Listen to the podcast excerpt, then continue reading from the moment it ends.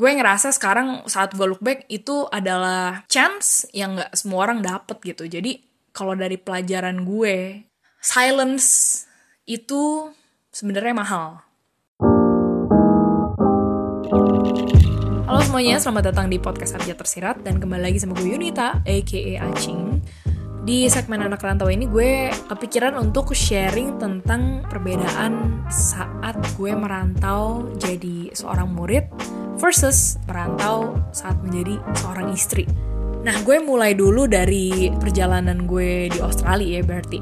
Di saat itu gue pindah waktu umur 17. Jadi itu 2010 Juni dan plannya sih sebenarnya waktu itu cuma mau stay 3 tahun doang. Maksudnya selesai sekolah, ya udah habis itu balik lagi ke Indo for good gitu.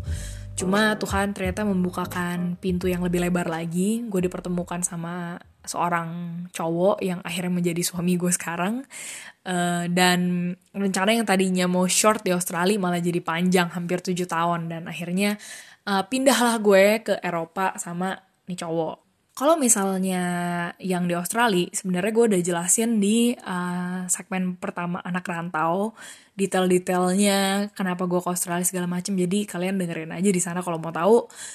Um, gue pas lagi di Australia tuh enak banget sih karena ketemu teman-teman banyak. Dan saat itu juga kan kalau misalnya lo ke kampus mostly banyak international students juga kan yang walaupun negaranya beda tapi struggle-nya sama lah kayak lo gitu. Culture shock masih bingung uh, ngambil duit di ATM kayak gimana beli SIM card kayak gimana yang kayak gitu gitulah uh, sedangkan saat gue lagi pindah ke Spanyol Nah itu beda cerita karena sekarang gue nggak cuma sendirian nih, gue ada orang lain juga, which is gue uh, ngerasa ada bagus dan enggaknya juga sih.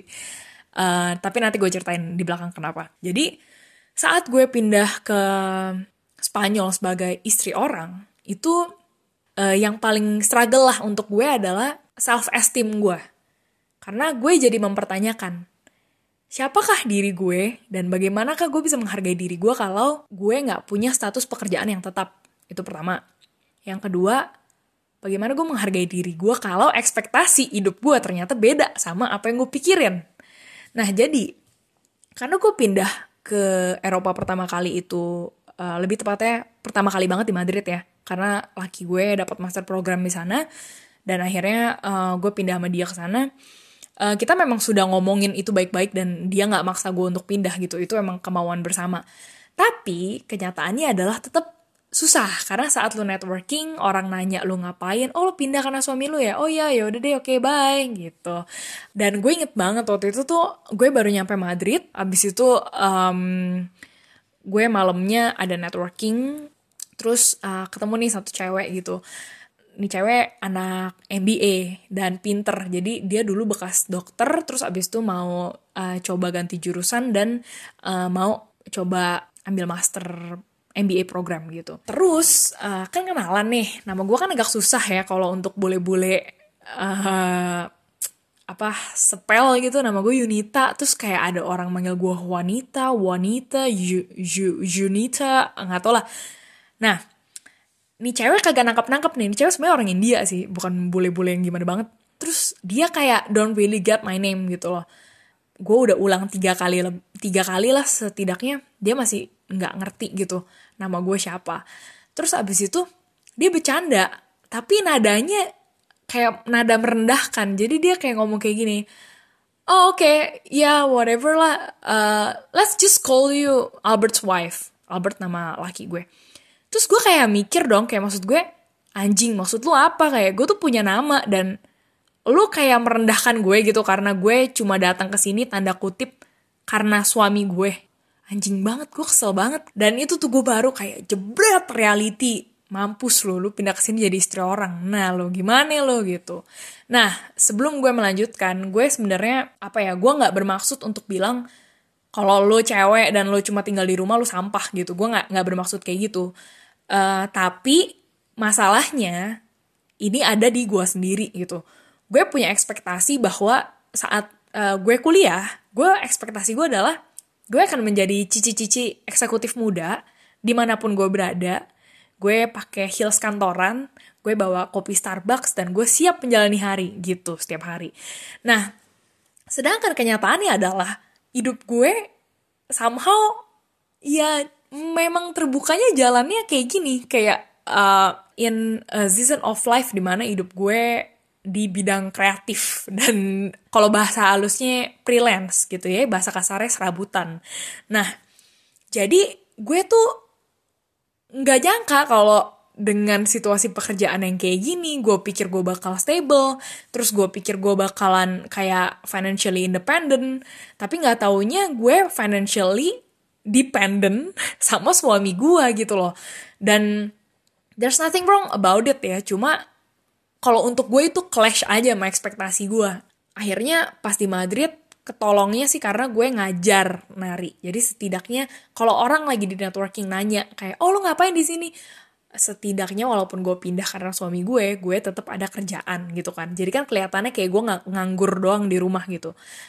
Tapi, tapi gue cuma setahun di Madrid dan saat itu um, suami gue dapat kerjaan uh, di Seville, di, itu masih di Spain juga, dan kita pindahlah ke sana gitu. Waktu di Seville itu uh, yang parah karena uh, plan gue untuk ngajar nari uh, buyar gitu ambias. Terus uh, gue bener-bener makin gak punya temen. Uh, karena gue makin minder bahasanya juga susah maksudnya ya kendala language lah gitu ya. Soalnya aksen di Madrid sama aksen di Seville tuh beda banget Spanyolnya. Sedangkan Spanyol gue aja juga baru bisa tahap bergosip yang cinci sayur gitu kan dan wah gila itu di Seville bener-bener itu masa terberat gue dan gue nggak mau ulangin itu lagi demi apa pun. Soalnya di udah gue harus lewatin itu plus ada racism issue juga di sana gitu kan. Ah kayak gue udah jelasin itulah juga di salah satu episode gue tentang rasisme. Uh, cuma kalau kita mau kita mau tarik ke belakang sebenarnya perbedaan perbedaan saat lu pindah jadi seorang murid versus lo pindah menjadi seorang istri adalah gimana lo hubungannya sama diri lo sendiri. Kenapa perbedaan paling besar adalah di situ? Karena saat gue setidaknya menjadi seorang murid, itu banyak banget distraction. Entah itu komunitas gereja lah, entah itu teman-teman kos lu lah, entah itu aktivitas di kampus lah. Pokoknya walaupun lu susah, lu masih ada something yang dipegang. Ngerti gak maksud gue? Jadi kalau lu ke mana-mana, oh gue seorang murid, gue lagi belajar. Jadi orang kayak, oh iya lo seorang murid lagi belajar. Jadi emang struggle. Tapi sayangnya di society kita, saat orang tahu kayak, oh lo ngapain? Oh gue pindah ke sini karena suami gue. Oh lu kerja apa? Dan misalnya lu bingung ya, lu gak punya kerjaan tetap, lu punya kerjaan serabutan, tapi juga lu males jelasin ke mereka kerjaan serabutan lu apa, Iya, pikirnya kan lu sebenarnya nganggur ya. Pasti dipikirnya kemungkinan besar lu nganggur gitu di rumah. Dan itu tuh yang kayak momen di mana most likely orang langsung conversationnya dead sama lu. Karena udah gak tau mau ngomong apa gitu loh. Dan wah gila itu struggle gue sih sampai hari ini gitu. I think itu something yang gue harus work on sampai gue mati kali ya um, yang soal self esteem gitu gitu. Karena gue tahu mungkin aja ini cuma di pikiran gue gitu loh. Mungkin aja orang yang ketemu gue nggak mikir kayak gitu gitu loh. Uh, mungkin gue mikir kayak gitu karena pengalaman shit gue di Madrid ketemu sama cewek yang high educated dan gituin gue gitu kan yang cerita di awal itu. Jadi uh, ya perbedaan paling gede sih itu sih again gue cuma bisa bilang tentang persoalan lo berhubungan sama diri lo sendiri tuh kayak gimana sih? Lo pindah sama pasangan lo, pasangan lo punya rutinitas lebih, nah lo kan lebih banyak waktu untuk sendiri di rumah kan. Lo pasti lebih banyak bertanya sebenarnya pertanyaan-pertanyaan yang kayak existential crisis gitu loh yang kayak siapakah diriku sebenarnya? Mengapa aku hidup ke dunia ini? Mengapa? Mengapa yang kayak gitu-gitu kan? Proses itu tuh tai banget. Gue nggak bisa nggak bisa ngomong itu something yang wonderful magical bijak. Kagak kagak. Itu tuh kayak lo dipaksa sama semesta gitu ya untuk menghadapi PR atau luka lo nih yang zaman zaman dulu yang masih belum disembuhin gitu ya. Apa pun itulah self esteem lah apa gue nggak tahu. Lu dipaksa tuh untuk ngelihat itu. Sedangkan saat lu jadi student itu tuh lu banyak banget distractionnya. Lu nggak perlu nanya kayak gue tuh siapa ya di sini karena setiap kali kan selalu ke depannya kayak ya abis ini ya. Kayak biasa lah. Kayak murid-murid kayak biasa kalau gue udah selesai kuliah ya gue cari kerja. Tapi bagusnya gitu ya uh, dari perbedaan yang paling besar itu adalah walaupun satu setengah tahun di Sevilla gue kagak akan mau disuruh ulang momen itu lagi for whatever reason but uh, gue belajar banget skills untuk bersahabat dan ngobrol sama diri gue. Gue ngerasa sekarang saat gue look back itu adalah chance yang gak semua orang dapet gitu. Jadi kalau dari pelajaran gue, silence itu sebenarnya mahal. Lu bisa punya silence itu dan lu punya kesempatan untuk ada di tingkat kematangan yang sekarang itu mahal itu adalah sebuah investasi lo karena banyak orang yang sebenarnya mungkin pengen untuk uh, mempunyai momen yang kusyuk sama dirinya gitu mempertanyakan existential crisis itu loh yang kayak lu tuh sebenarnya siapa sih? Kalau misalnya lu tuh outside your work gitu loh if you don't have working status that you can show off ke orang-orang nah lu tuh siapa gitu. Nah sebenarnya yang kayak gitu kan penting untuk dipertanyakan oleh siapa pun itu kan.